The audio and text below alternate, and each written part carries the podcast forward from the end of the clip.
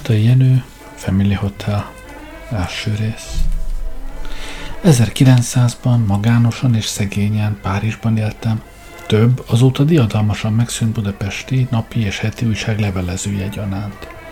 Ebeli minőségemben fedeztem fel azt a hihetetlen földrajzi csodát, hogy Párizs sokkal messzebb van Budapesttől, mint Budapest Párizstól. Párizsból küldött cikkeim negyed nap pontosan megjelentek a budapesti újságokban. Az értük járó pénzzel rendesen hetekig, hónapokig várnom kellett.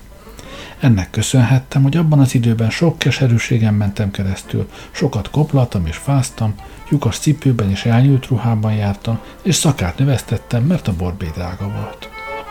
A Szent Lazár pályaudvar szomszédságában, Rue de la Constantinopole 75, egy kis penzió, Pension de Famille, most kérek elnézést előre, és utólag az összes külföldi név és egyéb kiejtésért, hát lesz, ahogy lesz. Family Hotel, English Spoken, Man spricht Deutsch. Ötödik emeletén laktam, nevetségesen egyszerű és kétségbejtően szűk szobában. Nemi helyt az ablakot kinyitottam, és kiálltam a kis erkére. Ennyien volt az egész város minden világosságával és minden titokzatosságával. Ezen az erkélyen nagyszerűen lehetett támodozni. Az embernek a szemét kellett csak behújnia, hogy a legszebb dolgokat lássa. Mint hogy jobb dolgom úgy sem volt, nagyon sokat ültem az erkélyen, kivált éjjel, amikor a sötétség meg a csöndesség az álmok cinkosává szegődik, és mesekertekben sétáló tündérlányokat, aranyhegyeket és dús vacsorákat varázsol a lehúnyt szem elé.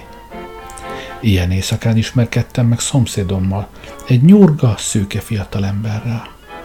Nem szívesen barátkozok, és addig az egész házban egy lelket sem ismertem. Csak azt tudtam, hogy sokan vagyunk, és nagyon vegyesen vagyunk. Japánok, sziámiak, spanyolok, oroszok, amerikaiak, gyanús nemzetközi társaság, amelyet néhány nem mindig magános francia lány egészített ki. A penzió tulajdonosa Madame Dury volt, 40 éves, erőteljes és erélyes özvegyasszony. Egy Blanche nevű sápat nagy szemű fekete lány anyja. Jó asszony volt, szívesen hitelezett meg szorult lakóina, sőt, kisebb-nagyobb kölcsönökkel is segítette őket. Ezekre a kölcsönökre mindannyian rászorultunk, mert egyikünknek sem volt rendes foglalkozása, egyikünk sem keresett Párizsban pénzt. Hazúról kaptuk Magyarországból, Japánból, Sziámból, Oroszországból, stb. Bizonytalan időközökben, és többnyire keveset. Madame Duri mégis mindig, Madame Durinak mégis mindig megfizettük a tartozásunkat mert új kölcsön csak akkor kaptunk, amikor a régit megadtuk már. Megesett, hogy valaki hirtelen eltűnt közülünk, és hónapok múlva láttuk csak újra.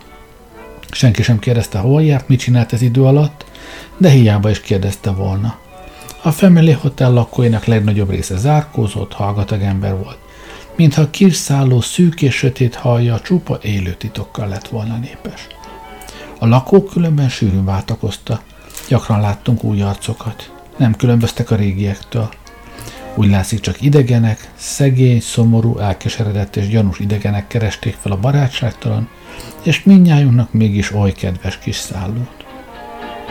Ilyen új arc volt azért a szőke szomszédomé is, aki július végén költözött be az ötödik emelet egyetlen üres szobájába. Ebben a szobában, amely az enyémmel szomszédos volt, négy-öt hónapig egy hangos és szerelmes francia lány lakott. Vagy énekelt, vagy csókolózott, de egész nap lármázott. Ha abban az időben nem lettem volna olyan fásult és levert, a jókednek és a könnyű boldogságnak ez a melegsége, amely a falon átsugázott, talán sok mindenért megvigasztalt volna. De így bosszantott csak. Gyűlöltem a francia lányt ostobán és igazságtalanul, ennél fogva annál kegyetlenebbül. Boldog voltam, amikor megtudtam, hogy barátja a Family Hotelből elvitte a jó módba és mielőtt tudtam volna, ki lesz az új szomszédom, már is egy kis barátsággal voltam hozzá, hiszen csöndet és nyugalmat jelentett a lármás napok és éjszakák után. Azon az emlékezetes éjszakán, amelyen megismerkedtünk, jobban el voltam keseredve, mint valaha. Megint nem kaptam pénzt hazulról, és Durinénak 50 frank készpénzzel tartoztam már. Kifogytam mindenből, nem volt sem kávém, sem dohányom, és 36 óra óta éheztem. Elzálogosítani valóm sem volt már, Könyveim is régen odaállt a szajna túlsó partján pihente egy uzsorás antikvárius raktárában. Ruháimért pedig hónapok óta véres kamatokat fizettem Antonio Pesca mesternek, minden ószeresek királyának. Rue Muffetár 194 a Pantheon mögött. Dühösen harabdálva üres pipám szárát éppen azon tanakodtam, nem volna a legokosabb innen az ötödik emeletről leugrani, és legjobb az egyenes út, előzetes bejelentés és felmondás nélkül mindörökre megszüntetni a párizsi levelezést. Akkor a szomszéd erkéről rám szólt a szőke fiatalember. Ne tegye! Miért ne kérdeztem gépiesen? A szőke fiatalember mosolygott és a vállát vonta. Nem érdemes. Csak ekkor jutott eszembe, hogy a szőke fiatalember kitalálta a legtitkosabb gondolatomat, én pedig ostoba kérdésemmel őszintén megvallottam, hogy a lelkembe látott. Csodálkozó meredtem rá, de mielőtt valamit kérdezhettem volna, megszólalt. Jó óra óta figyelem. Rossz óra óta. Hazám, olyan elkeseredetten sötéten ült itt, láttam, hogy nagyon szerencsétlen. Egyszer-egyszer fölugrott, és áthajolt az erkély korlátján, lenézett az utcára, mintha a távolságot akarná megmérni, de mindig visszariadt. Az előbb azonban olyan komor elszántság ült az arcára, hogy egy kicsit megijedtem. Ösztönösen átkiáltottam önnek, ne tegye, utólag bocsánatot kérek, nem szoktam a más dolgába avatkozni. Nincs miért bocsánatot kérnie, a figyelmeztetés jól esett. Az ijegységre azonban nem volt oka, úgysem lettem volna öngyilkos. A szőke fiatalember megint mosolygott. Ki beszél öngyilkosságról? Nem tudtam, mit tervez. Azt láttam csak, hogy erősen tépelődik valamit, és az önállapotában, az önhangulatában az ember mindig a legostobább megoldást választja. Elpirultam, én már másodszor lepleztem le magamat az idegen előtt. A szőke fiatalember alkalmasint észrevette zavarodottságomat, mert majdnem mentegetőzőn folytatta. A dologban nincs boszorkányság. Ha véletlenül nem én figyelem önt, hanem ön engem, ugyanazt tapasztalta volna. Nagyon gyakran voltam már ugyanabban az állapotban, amelyben ön. És most sincs közöttünk különbség. Nekem sincs dohányom. Honnan tudja, hogy nincs dohányom? kérdeztem bosszúsan. A szőke fiú nevetett. Láttam, hogy üres a pipája, egy óra óta dühösen szorongatja a foga között. Ha dohánya volna, régen rágyújtott volna, és akkor nem volna olyan mérges. Én is elnevettem magamat. Igaza van, nincs dohányom. És 36 óra óta nem evett egy falatot sem. Erre megint elöntött a mére. Hát ezt megint miből sejti? Csak ugyan sejtem, csak nem tudom bizonyosan. De tegnap délután nem mozdult ki a szobájából, és szobájába se hozták be az ebédet. Jó fülem van, meghallottam volna. Én is egész nap itthon voltam. Valami nagy megkönnyebbüléssel, sőt egy kis kárörömmel kérdeztem. Vagyis ön sem evett 36 óra óta? Téved. Kiábrándultam, néztem rá, de ő megnyugtatott. Csak az időben téved. Én 42 óra óta koplalok már, és ami a legszomorúbb, sötétben koplalok. Önnél legalább ég a lámpa. Nekem petróleumom sincs. Szívesen adok az enyémből, van elég. A lámpáját meg akarja tölteni? Nagyon köszönöm, igazán kedves. Hát akkor, ha megengedi, átjövök. Ezzel eltűnt az erkéről, én pedig visszamentem szobámba, hogy ajtót nyissak a szőke fiatalembernek. thank you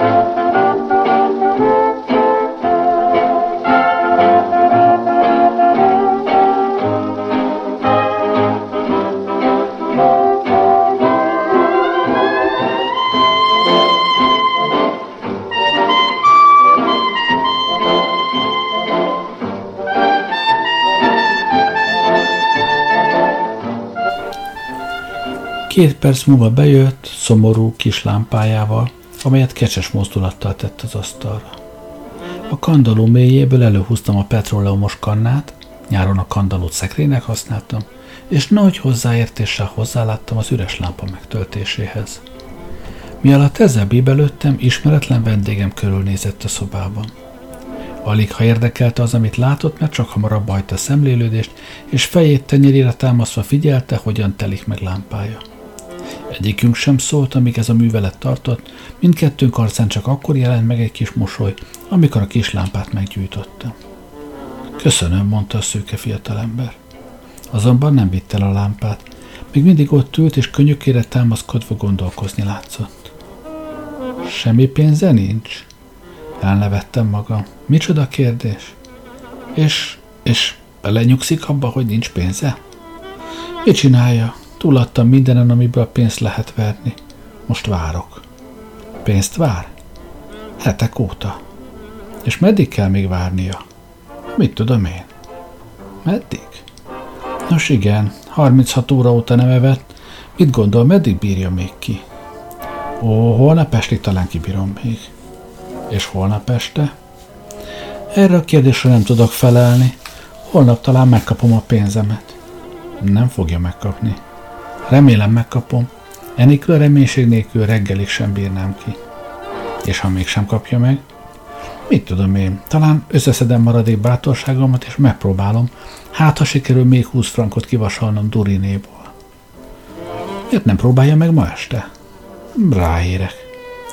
A szőke fiatalember megint elgondolkozott. Most én kérdezősködtem. Hát ön? Én elsőjéig kell a pénzemre várnom. És addig?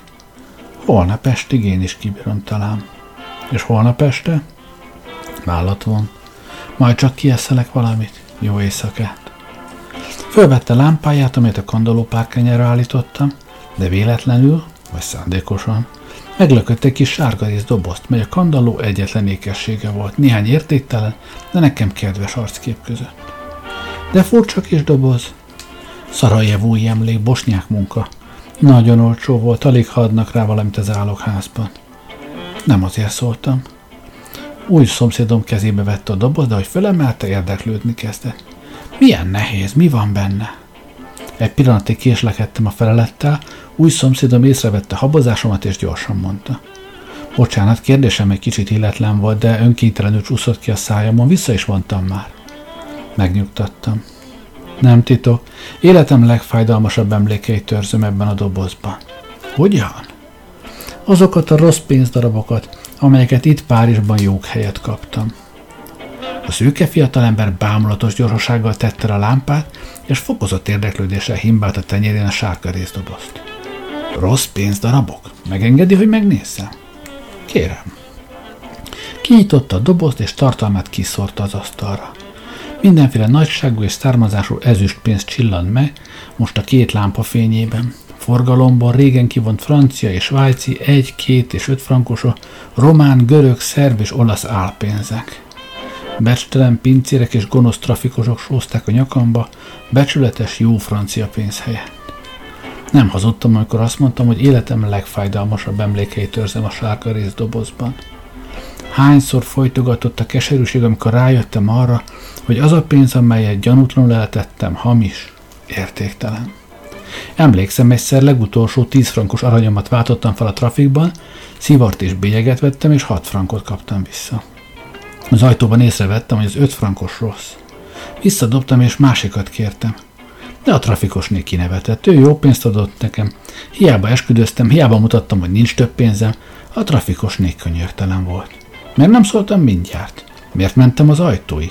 Talán azért, hogy valamelyik cinkosomnak átadjam a jó pénzt, aztán visszajöjjek az értéktelennel, amelyet otthon tettem a zsebembe? Őt nem lehet becsapni, ismeri ezt a fogást, megpróbálták vele mások is, de rajta vesztettek. Ő egy ezredesnek az özvegye, a férje Afrikában halt meg a francia zászló becsületéért. Ha még egy szót szólok rendőrérkült, akkor megválik majd kinek van igaza a francia honlájnak-e, vagy annak a jöttmennek, akiről leri a nyomorúság. Nem vitatkoztam tovább, könnyes szemmel, égő arccal, szégyenkezőn menekültem a trafikból. A rossz öt frankos oda tettem a többihez, nyolc hónap alatt kis vagyon gyűjtöttem így össze. A sárga részdobozban legalább száz franknak megfelelő rossz pénz volt. Mielőtt ezekre a szomorú kalandokra gondoltam, a szőke fiatalember csillogó szemmel vizsgálta a pénzt. És maga azt mondta, nincs pénze. Rossz pénz nem pénz. Rossz pénz még mindig jobb pénz, mint semmi pénz. Ebben volt valami igazság, ezért szomorúan mondtam. Ezen nem lehet túladni. Nem. Hát azok, akiktől ön kapta, nem adtak túl rajta? Ebben is volt igazság. Sosem próbált efféle rossz pénzdarabot elsütni? Nem én, nem visz rá a lélek, hogy megcsaljak egy szegény embert.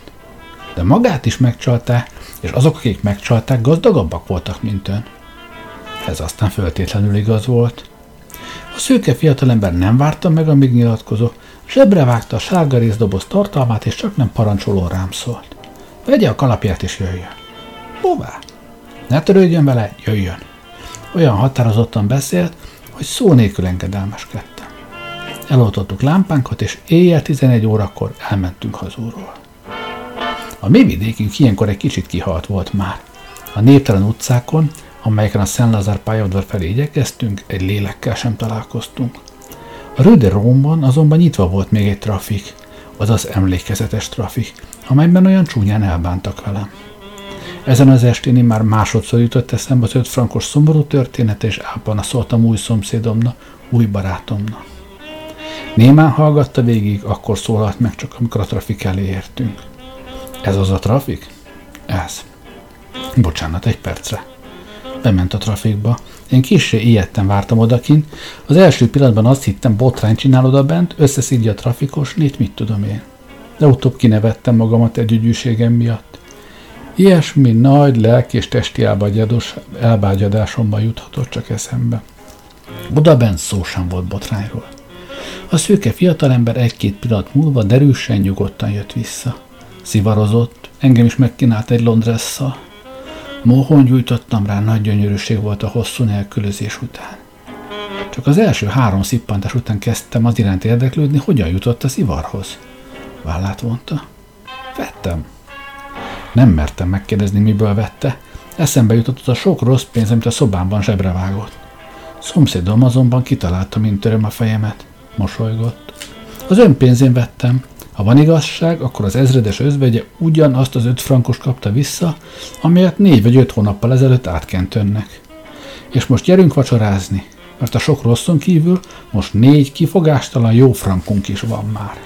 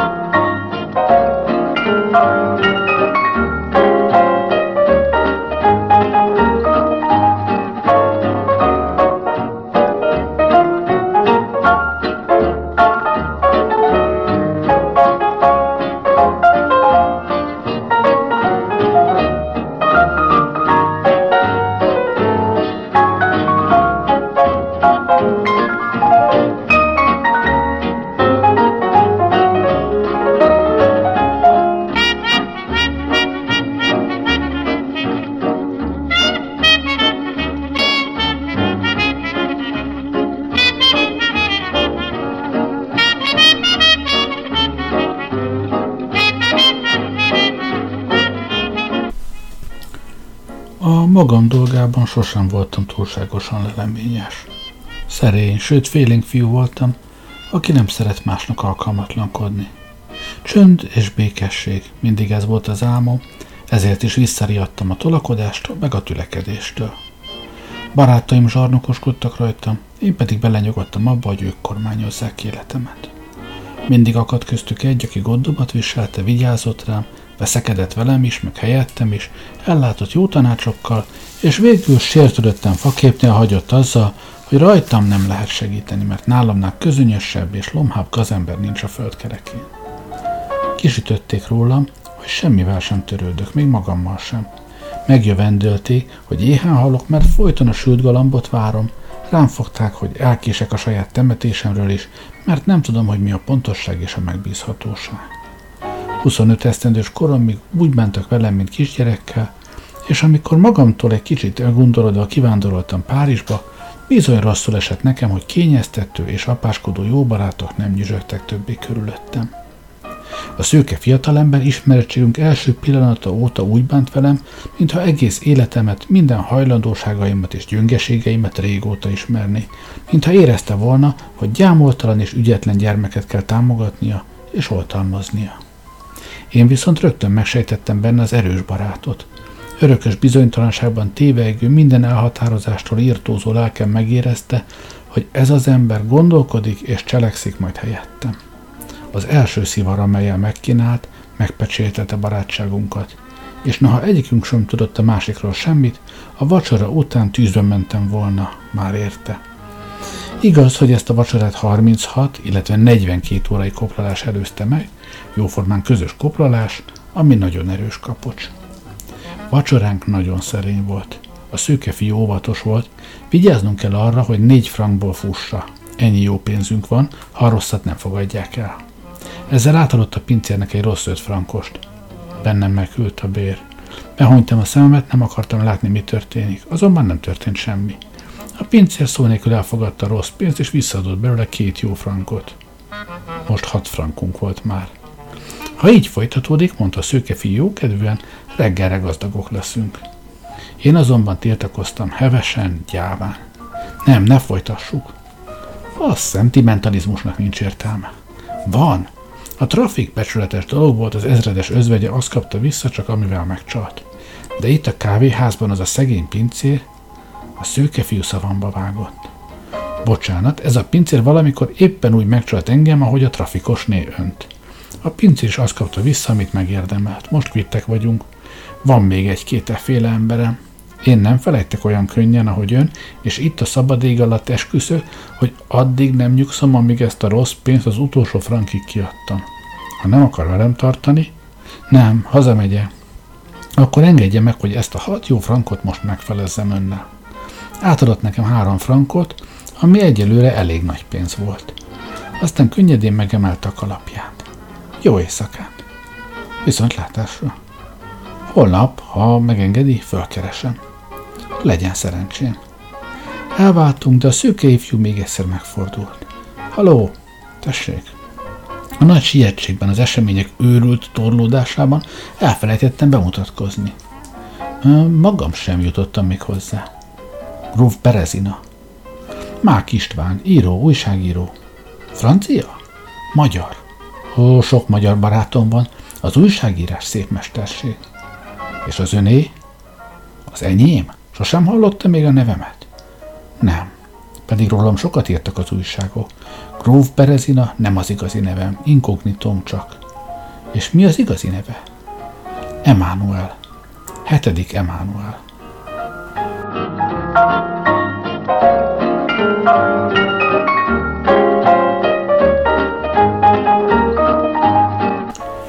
Hiányos történeti ismereteimmel is emlékeztem arra, hogy egy hatodik Emmanuel néhány évvel ezelőtt, mint Cyril király, nagyon csúnyán fejezte be rövid Balkán életét. Nyugtalan kis ország volt az, amelyet kormányozni próbált. Az izgágott Cirillek fölmondás nélkül kergették el királyaikat, és gyakrabban váltottak dinasztiát, mint Gallért. Első Emmanuel 1875 és 1877 között, melléknéven az írástudó, aki szokatlanul hosszú ideig uralkodott, törvénybe iktatta ugyan, hogy a királynak két heti felmondás és egy hónapos végkielégítés jár, de ez írott malaszt maradt csak. Hatodik Emmanuelnek például télvíz idején éjszaka mezitláb kellett a palotába menekülnie, hogy fejét a hóhér pallosa alól megmentse. Nem sokáig örülhetett neki, szegény belehalt abba a gyilkos influenzába, amelyet futása közben kapott. Mindezeket a részleteket, részleteket természetesen később tudtam meg csak attól a szűke fiatalembertől, aki hetedik Emmanuelnek, a szerencsétlen hatodik Emmanuel fiának mondotta magát. Hosszú ismeretségünk alatt részletesen beavatott hazájának történetébe, az ő révén ismerkedtem meg harmadik, részeges Ivánnal, és negyedik Kacér Ilonával, akik először mertek az egész Balkánt, Romániát, Görög, Török és Magyarországot egy korona alatt egyesítő nagy Cirilországról álmodozni. Hogy ez az állam máig sem teljesült, az mit sem von le ezeknek az uralkodóknak a nagyságából, ők nagyon is akarták, csak éppen a Balkán, Románia, Görög, Török és Magyarország nem akarta. Nem tagadom, büszke voltam a királyfival való ismerettségemre, akármilyen száműzött, leromlott szegény kis királyfi volt is, mégiscsak királyfi volt, akiből király is lehet még. Igaz, hogy csak Círia király, de hányan vagyunk, akikből még Círia király sem lehet. Ezen az éjszakán nem sokat aludtam. A királyfi nagy eseménye volt a meglehetősen sivár és egyhangú párizsi életemnek, és mindaz, ami ez alatt a néhány óra alatt történt, kellemesen izgatott. Vacsoráztam, dohányom is volt, pénzem is, három frank, mely változása az időknek micsoda öröm a 36 órai keserves koplalás után. Könnyen hevülő és mindent mindjárt rózsásnak látó lelkemben ébredezni kezdett a bizonyosság, Nincs már baj, minden jóra fordul, a budapesti újságok megemberelik magukat, ezentúl postafordultával pontosan elküldik a pénzemet, talán a fizetésemet is fölemelik, ha egy-két ügyes cikket írok a királyfiról, aztán megadom Durinének az 50 frankját, és akkor, akkor megint van egy kis hitelem. Ebből is kitetszik, milyen szerény kis fantáziával dolgoztam. Más, élelmesebb ember nyilván arról álmodozott volna már is, hogy Cyril pénzügyminiszter lesz, mihelyt 7. Emmanuel visszaülőseinek a trónjára. Szándékosan égve hagytam a lámpát, abban reménykedtem, hogy új barátom hazajövet meglátja a világosságot, és lefekvés előtt beszól még hozzám. De reggel három óráig nem jelentkezett. Úgy látszik, csökönyösen ragaszkodott ahhoz a kijelentéséhez, hogy addig nem jön haza, amíg a legutolsó rossz frankon is túladott. Meg voltam arról győződve, hogy minden pénzt sikerül elhelyeznie. A kávéházban láttam, milyen előkelő, milyen bámulatos biztonsággal dobta oda a pénzt a pincérnek, az meg se nézte, vakon sebre vágta. A pincérek finom szimatjával megérezte, hogy született úrral van dolga. Amikor három óra után mégis elaludtam, furcsa álmaim voltak. Előbb harmadik, részeges Iván, Ciril király nyitott be hozzám, üres lámpával a kezében, és egy kis petróleumot kért kölcsön. Amikor lámpáját megtöltöttem, hálálkodva szájához emelte, és hajtásra kiitta. Aztán negyedik, kacér Ilona jelent meg előttem, és megkérdezte, van-e pénzem. Elővettem a sárga dobozt, és a rossz frankok közül kikerestem egy Cyril dénárt. Egy Cyril dénár egyébként öt mara védi, és az ugyanakkor 150 Cyril pezeta, ami egyenlő 5 osztrák-magyar korona. Szép, régi dénárt, amely az ő arcképével volt ékes. De negyedik, kacér Ilona visszadobta a pénzt és lármálni kezdett. Ezt a pénzt régen bevonták, őt nem lehet becsapni, ismeri már ezt a fogást, ha még egy szót szólok, rendőrt hí. Jöttek is már a rendőrök, börtönbe vetettek és rám zárták az ajtót. Aztán jött a porkoláb és felolvasta az ítéletet. Halál. Magamra maradtam, és amikor tömlöcöm rácsos kis ablakon kinéztem, láttam a hóhért. Pallosát nagy köszörűkövön élesre fente. Nagyon megijedtem. Odakint elkezdtek dörömbölni, és egy reket hang ordítozta. Issa ki! Issa ki!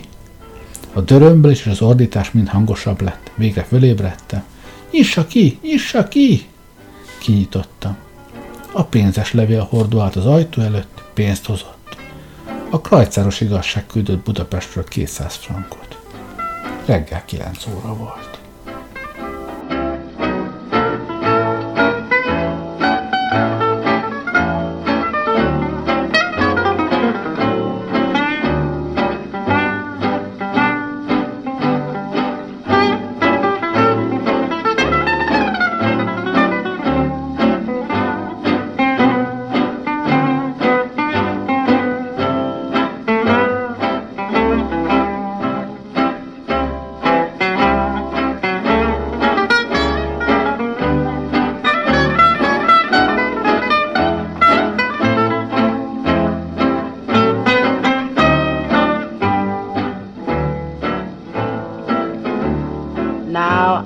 Can't give you anything but love. Oh, baby, oh. that's the only thing I've plenty of. Oh, baby, dream a while, scheme a while, we're sure to baby, happiness. And I guess the best, Gee, I'd like to see you looking swell, baby, baby. Legelső dolgom az volt, hogy Madame Durinak megfizettem tartozásomat. A Family Hotel lakói nem kaphattak büntetlenül pénzt a postán, a levélhordónak mindenek előtt a sasszemű Durinénál kellett jelentkeznie, csak azután mehetett tovább. Ilyen formán a penzió tulajdonosa mindig tudta, hogy ki, mikor mennyi pénzt kap, és jaj volt annak, aki ilyenkor nem fizetett. Átadtam neki 50 frankot, amit mind ő, mind Blanche kisasszony kedves mosolya jutalmazott. Még mindig maradt 150 frankom, és tegnapról három. Ennyi pénzem régen volt, ennél fogva elhatároztam, hogy kivételesen reggelizek is, mégpedig úri módon a Family Hotel haljában. Ez a hal sötét udvari helység volt, amelyben nappal is égett a lámpa. A berendezés nem volt túlságosan pazar.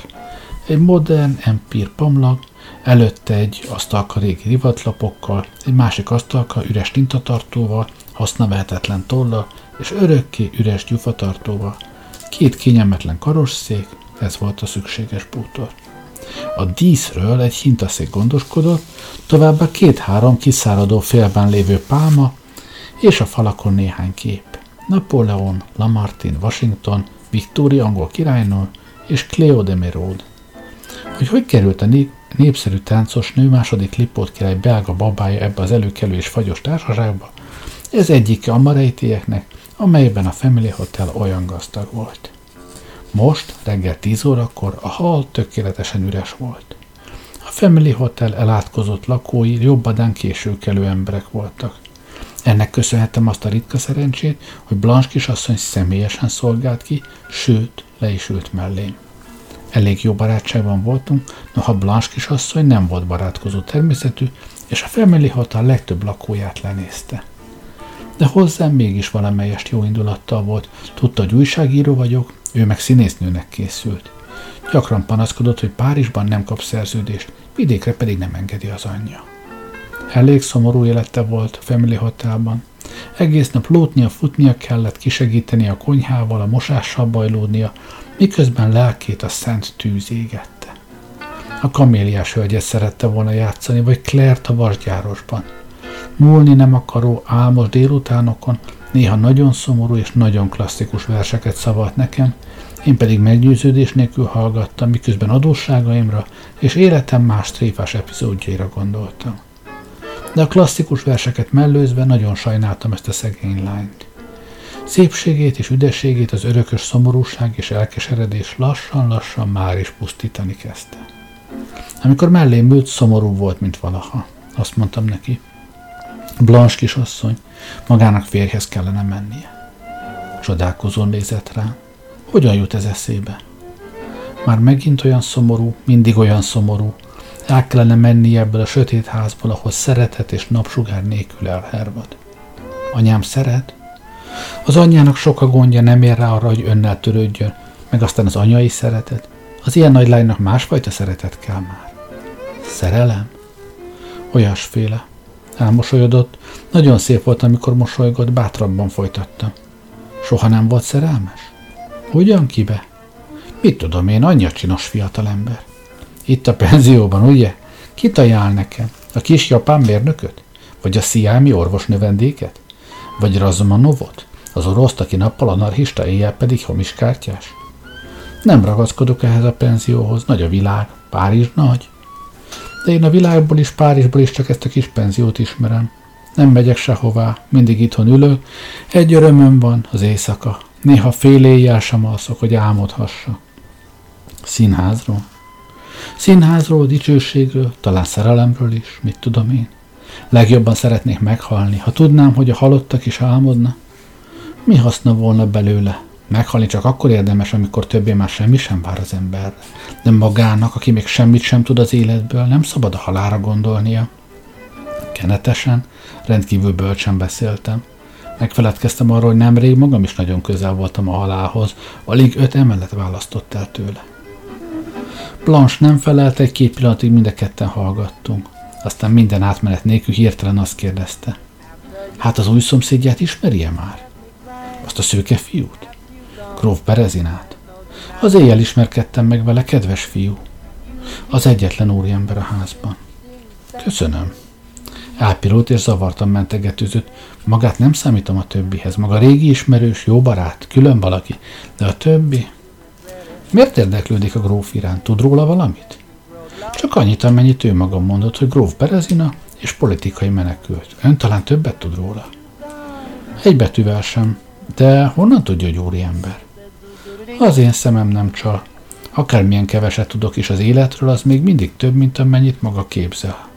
Egy ilyen penzió, ahol annyi furcsa ember megfordul, nagyon jó iskola annak, aki jó szemmel és jó füllel járkál benne. De maguk nagyon hamar összebarátkoztak, az éjjel együtt mentek el hazúról. Látta? Ébren voltam, még olvastam, de nem együtt jöttek haza. Nem, elváltunk. Gróf Berezina egyáltalán nem jött még haza. Micsoda? Nem jött haza, kulcsa ott lóg a szögön, ahová az este tette. Azt hittem talán maga tudja, hova ment. Nem, nem tudom, de a dolog egyáltalán nem gyanús. A gróf fiatalember szeret élni, és reggel 11 Miért aggódik miatta? Ön miatt is aggódnénk, ha ilyen sokáig elmaradna. Hát, ha valami baj esett, megölték, kirabolták. Elnevettem magam. Attól ne féljen, megölni ugyan megölhették, de hogy kirabolták, az nem valószínű. Blanche vállat vont. Hát, ha nem a pénzért tölték meg, hanem az írásaiért, okmányaiért, mit tudom én miféle politikai titkokért. Ennek már volt egy kis értelme, úgyhogy magam is megszeppentem. Az aggódás ragadós, engem is elfogott a nyugtalanság. Blanche észrevette és gyorsan hozzátette. Egy úr kétszer is kereste már a grófot. Miféle úr? Külföldi? Nem, francia. Először csak a névjegyét hagyta itt, mikor másodszor is hiába jött, leült és néhány sort írt a grófnak. Megmutatta a levélborítékot meg a névjegyet. A névjegyen ez állt. Leon de Lyon. Direktör de Cirque Mondain. Cirkuszigazgató? Mi dolga lehet a Cirque igazgatójának, Leonnak, az oroszlánnak, hetedike Manuellal, a Cyril trón várományosával? Azonban nem értünk rá arra, hogy ezen tanakodjunk. A hal nyílásában megjelent az, aki miatt aggódtunk, Gróf Berezina. Jókedvű, üde és friss volt, mosolyogva kívánt nekünk jó reggelt. No végre, mondtam őszinte örömmel, tudja, hogy Blanche kisasszony nagyon nyugtalankodott már ön miatt. Igazán? Ennek örülök? Blanche kisasszony könnyedén elpirult, aztán átadta neki a névjegyet, meg a levelet, és elsietett. Mi alatt a gróf átfutotta a levelet, jobban szemügyre vettem. Magas, karcsú fiú volt, katonásan rövére nyírt szőkehajú, kis bajuszú, okos, barna szemű, halvány, finom arcú. Inkább angolnak látszott, mint szlávnak. Blanche kisasszonynak igaza volt. Ez az ember csak úr, nagy úr lehet. Minden mozdulata elegáns és biztos volt, hiába meglátszott rajta, hogy a dédapja is király volt már. És egyszerűen rájöttem a rossz pénzek elhelyezésének a titkára. Nem azon múlik a dolog, hogy mivel fizet az ember, hanem azon, hogyan fizet. A pénze szerencsét hozott, mondta gróf, miután zsebre tette a levelet. Nagyszerű üzletet kínálnak nekem, egy év múlva gazdag ember leszek, ha elfogadom. Nem akartam kérdezősködni, de gróf kérdés nélkül is mondta. A Cirque Mondain igazgatója, aki valahogyan megtudta a lakásomat, 30 ezer frankot kínál nekem egy hónapra. Miért? Miért? Azért, hogy föllépjek a cirkuszban, mint kötéltáncos, műlovar, kuplaénekes, díjbirkózó, erőművész, légtornász, elefánt, szelidítő vagy céllövő. Neki mindegy. És önnek? Nekem is. Hát ért hozzá? Mindenhez értek egy kicsit. És elfogadja az ajánlatot? Nem tudok. Attól félem, hogy elfogadom. Nem igen tudok mit csinálni. A politikai helyzet nagyon rossz. Hatodik Iván, aki már hatodik esztendeje ül a Cyril trónon, annyira megbabonázta a népet, hogy az egyelőre hallani sem akar más királyról. Ki tudja, meddig kell várnom, amíg rám kerül a sor. Bizonyos, hogy hatodik Iván után ön következik? Bizonyos. Tudja meg, hogy nálunk évszázadok óta két dinasztia váltja egymást. a Cyril, amely a Cyrileket, Ivánokat és Xandikat adja a hazai történelemnek, és az Emmanuelis, amelyből az Emmanuelok és Ilonák származnak. Az országban két párt küzd egymással, az Ócirileké és az ifjú Cirileké, és hol az egyik van fölül, hol a másik. Most az Ócirilek uralkodnak, hatodik Iván az ő királyuk. Ha az én híveim, az ifjú Cirilek kerülnek uralomra, én leszek a király. De a dolog nagyon nehezen megy. Nincs pénzünk, évek óta nincs pénzünk.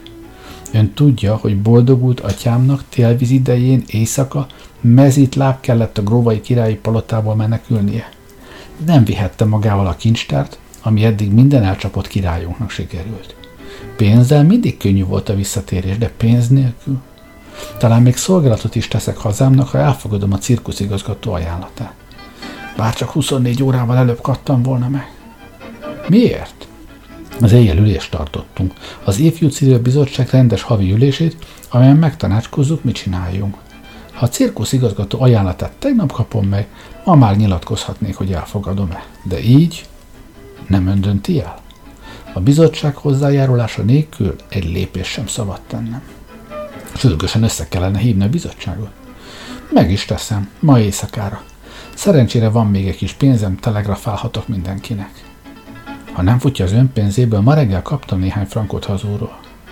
Nagyon köszönöm, de azt hiszem nincs rá szükségem. Néhány aranyat, sok frankot és rengeteg készpénz szort az asztalra. Nevetett. A mai éjszaka gyümölcse. Megittam vagy 25 konyakot, de túladtam az utolsó rossz frankon is. Volt vagy 170 frankja. Gazdagabb volt, mint én.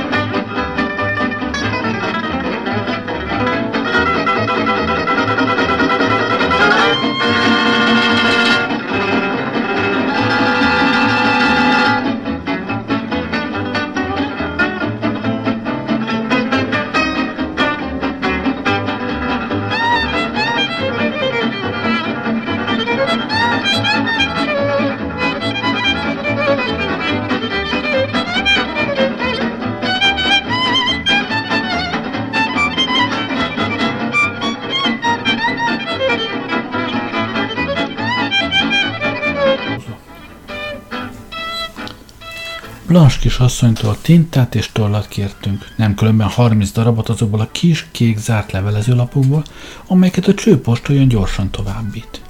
A gróf írni kezdett. Ez biztosabb, mint a távirat. Ha 30 táviratot adnék fel ugyanazzal a tartalommal, okvetlenül föltűnne. És mi van, megfigyelnek? Némán pipáztam. Nem mertem ajánkozni, segítek. A gróf azonban az ötödik, hatodik levelezőlap megírása után unni kezdte a munkát, és minden ceremónia nélkül elém tolt egy csomót. Dolgozzon maga is. Szívesen, mit írjak? Csak annyit, három piros rózsa. Én majd megcímezem a levelezőlapokat. Kettesben hamar elkészültünk a 30 levelezőlappal, amely az Ifjú Civil Bizottság 30 párizsi tagját hívta meg titkos gyűlésre. Aztán a gróf felállt és vállamra tette a kezét. Tökéletesen megbízok önben, azonban mégis meg kell esküdnie, hogy mindabból, amit eddig megtudott, vagy ezentúl megtud, egy hangot sem árul el soha. A véletlen összehozott minket, ha akarja, jó barátok leszünk. Most én vagyok az önadósa, de remélem nem sokáig leszek az. És a jövőben, ki tudja, talán hasznát is látja majd a barátságomnak. Ne felejtse el, hogy király áll ön előtt. Nagyszerűen mondta ezt, olyan nagyszerűen, hogy szinte megtöbbentem. Ebben a pillanatban megfeledkezett mindenről, a kölcsönkért petróleumról, a rossz frankokról, Leóról, az oroszláról és a Szirkmondenről, ahogy én is megfeledkeztem ezekről a kalandos ügyekről. Ebben a pillanatban csak ugyan király volt. Fölugrottam, hogy tisztelettel meghajoljak előtte, de leinte. Kérem, hagyja, ennek nincs értelme. Hallgatni fog? Becsület szavamra. Köszönöm, most pedig jobb, ha jobb dolga nincs, kísérjen el a cirkuszba. A Cirque Mondain, amely azóta megszűnt már, akkoriban nagyon elegáns kis cirkusz volt. Igazgatója értett ahhoz, hogyan izgassa a közönség kíváncsiságát. Mindig elsőrangú műsora volt, tengerpénzt költött reklámra és Párizsi emlékeim között még ma is őrzöm egyik plakátját, amely Monsieur X-et, a francia arisztokrácia legismertebb tagját ábrázolta trikóban, fekete bársonyára arccal, mindenféle vitézségi érmekkel és egyéb rendjelekkel a mellén, ahogy félkézzel föltözvágja a legnehezebb világbajnokokat. Monsieur X sohasem leplezte le magát, és a párizsi újságok heteken keresztül találgatták, kirejtőzik a bársony állarc alatt. Végre valaki ráfogta, hogy a köztársaság elnöke. Ezen a közönség úgy mulatott, hogy Monsieur X állandóan közderű közepet volt kénytelen birkózni, és mint nevetséges figura fejezte be diadalmas pályafutását. A magát oroszlánnak nevező Leo örökké szenzációban utazott. Monsieur X után egy francia grófnéval produkáltatta a magas iskolát, egy elvált asszonyjal, akinek a vállópöre pikáns részletekben bővelkedett. Leo Máster azonban ezzel sem érte be. Most királyfira fájt a foga. Minden esetre százezer frankot kérek, súgta a gróf, amikor az igazgató elő szobájában leültünk. Ön bejön velem. Minek? Mint titkárom. Ez jól hangzik, különben is régóta keresek titkárt. Elvállalná a valóságban is ezt az állást? Szívesen. Egyre figyelmeztetem csak, ez egyelőre tiszteletbeli állás csak. Fizetést akkor kap majd, amikor diadalmasan bevonulunk Gróvába, a Cirilek ősi koronázó városába, és Kifosztovics pátriárka fejemre teszi első Ciril koronáját. Ha ugyanazt a koronát el nem lopják addig. Beszélgetésünket nem folytathattuk tovább. Nyílt az ajtó, és Leo, az oroszlán személyesen sietett elénk. Tessék, uraim! Bevonultunk az igazgató szobájába, konyakot és cigarettát kaptunk. Aztán gondosan lezárt ajtók mögött tárgyalni kezdtünk. Megkaptam a levelét, kedves igazgató úr, mondta a hetedik Emmanuel, és amint látja, itt is vagyok már. Pontosság a királyok udvariassága, mosolygott az oroszlán. Boldog vagyok, hogy felséged megtisztelt látogatásába. Ne felségezzük egymást, egyelőre gróf Berezina vagyok. Az oroszlán megvakarta a fejét. Helyes, azonban remélem nincs az ellen hogy a plakátokon annak idején, mint Cília királyfi szerepeljen. Annak idején, ha meg tudunk alkudni. Az oroszlán csodálkozott. Hát nem vagyunk még rendben? Hol vagyunk még a rendtől? Az oroszlán csalódottan nézett ránk. Kis szünet következett, amely alatt többször hevesen megpödörte fekete bajuszát, és gépies gyöngétsége simogatta ugyancsak fekete szakállát. Az oroszlán nem volt szép fiú, és kevés volt benne az oroszlánból. Ezt a nevet még díjbirkozó korában vette föl, de sohasem érdemelte meg, mert tíz frankért még a szabó legénytől is földhöz vágatta magát. Egyszer, életében egyszer volt csak igazán bátor, sőt hős, amikor a megbukott Cirque Mondent egy vörös részgaras nélkül átvette. Bizalmatlanul kérdezte. Mik felséget kívánságai? Hetedik Emmanuel intett nekem. Titkár úr, legyen szíves, közölje föltételeinket az igazgató úrral. Őszintén szólva nem sokat tudtam föltételeinkről, azonban meg akartam mutatni hetedik Emmanuelnek, hogy arra érdemes ember tüntetett ki bizalmával. Ennél fogva valami érthetetlen, fagyos kűggel, azt sem tudom honnan vettem, de talán mégis úgy áll a dolog, hogy akinek Isten hivatalt ad, annak hozzávaló szemtelenséget is ad hozzá, nyugodtan, kimérten beszélni kezdtem.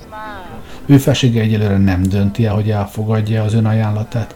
Előbb tapogatózik majd, mit szól hozzá a civil közvélemény. Tárgyal hazájának vezető politikusaival, párthíveivel és nagy civil újságok szerkesztőivel. Az ön cirkuszában való föllépése attól függ, hogy a civil közhangulat ezt a vendégszereplést a királyi méltósággal megférőnek fogja minősíteni. Tehát? Tehát mindenek előtt gondolkodási időt kérünk. Sokat? 48 órát. Megadom. Holnap után nyilatkozunk, hogy elfben belemegyünk az üzletbe. Akkor átérhetünk a szerződés többi pontjára. Az oroszlán megint bizalmatlanul nézett ránk. Nem szeretem a hosszas tárgyalásokat. 30 ezer frankot ajánlottam egy hónapra, azt hiszem elég szép pénz. Önnek, de nem nekünk. Micsoda? Keveslik? Nagyon. Százezer frankon alul szóba se állunk önnel. Akkor is legalább két hónapot kell biztosítani, és le kell tennie a pénzt a bankba. Az oroszlán gúnyosan felkacagott. Ő felsége azt hiszi, hogy lopom a pénzt. Ő felsége sokkal diszkrétebb ember sem, hogy az iránt érdeklődjön, honnan veszi ön a pénzt. Neki mindegy. De ez rettenetes össze. Vállat vontam. Ha ön nem adja meg, majd megadja más. Talán többet is. Az oroszlán izzadni kezdett, sűrű verejték gyöngyözött a homlokán, ezt nem várta. Azt hitte, hogy a pénztelen hetedik Emmanuel, akit valahogyan megszimatolt a Family Hotelban, kap a 30 ezer frankon. De 200 ezer frank? És előre? És mit tud ő felsége? kérdezte kis habozás után. Hogy mit tud? No igen, tudni szeretném, mit kapok a havi 100 ezer frankomért. Azt kapja, amiért ön 30 ezret ígért. Az oroszlán le. Büszkén távoztunk. Lent az utcán hetedik Emmanuel megveregette a vállamat. Tudja, hogy kitűnően csinálta. Az elismerés jól esett. Büszkén mosolyogtam, azonban örömnek hamar vége volt, mert a királyi elismerés nyomon követte a királyi kritika. Egy dologról azonban megfeledkezett, a legfontosabbról. Miről? Az előlegről. Amikor százezer frankról van szó, az ember mindenek előtt előleget kér. De hát, ha semmi sem lesz a dologból, éppen azért kell az előleg. Ami biztos, az biztos.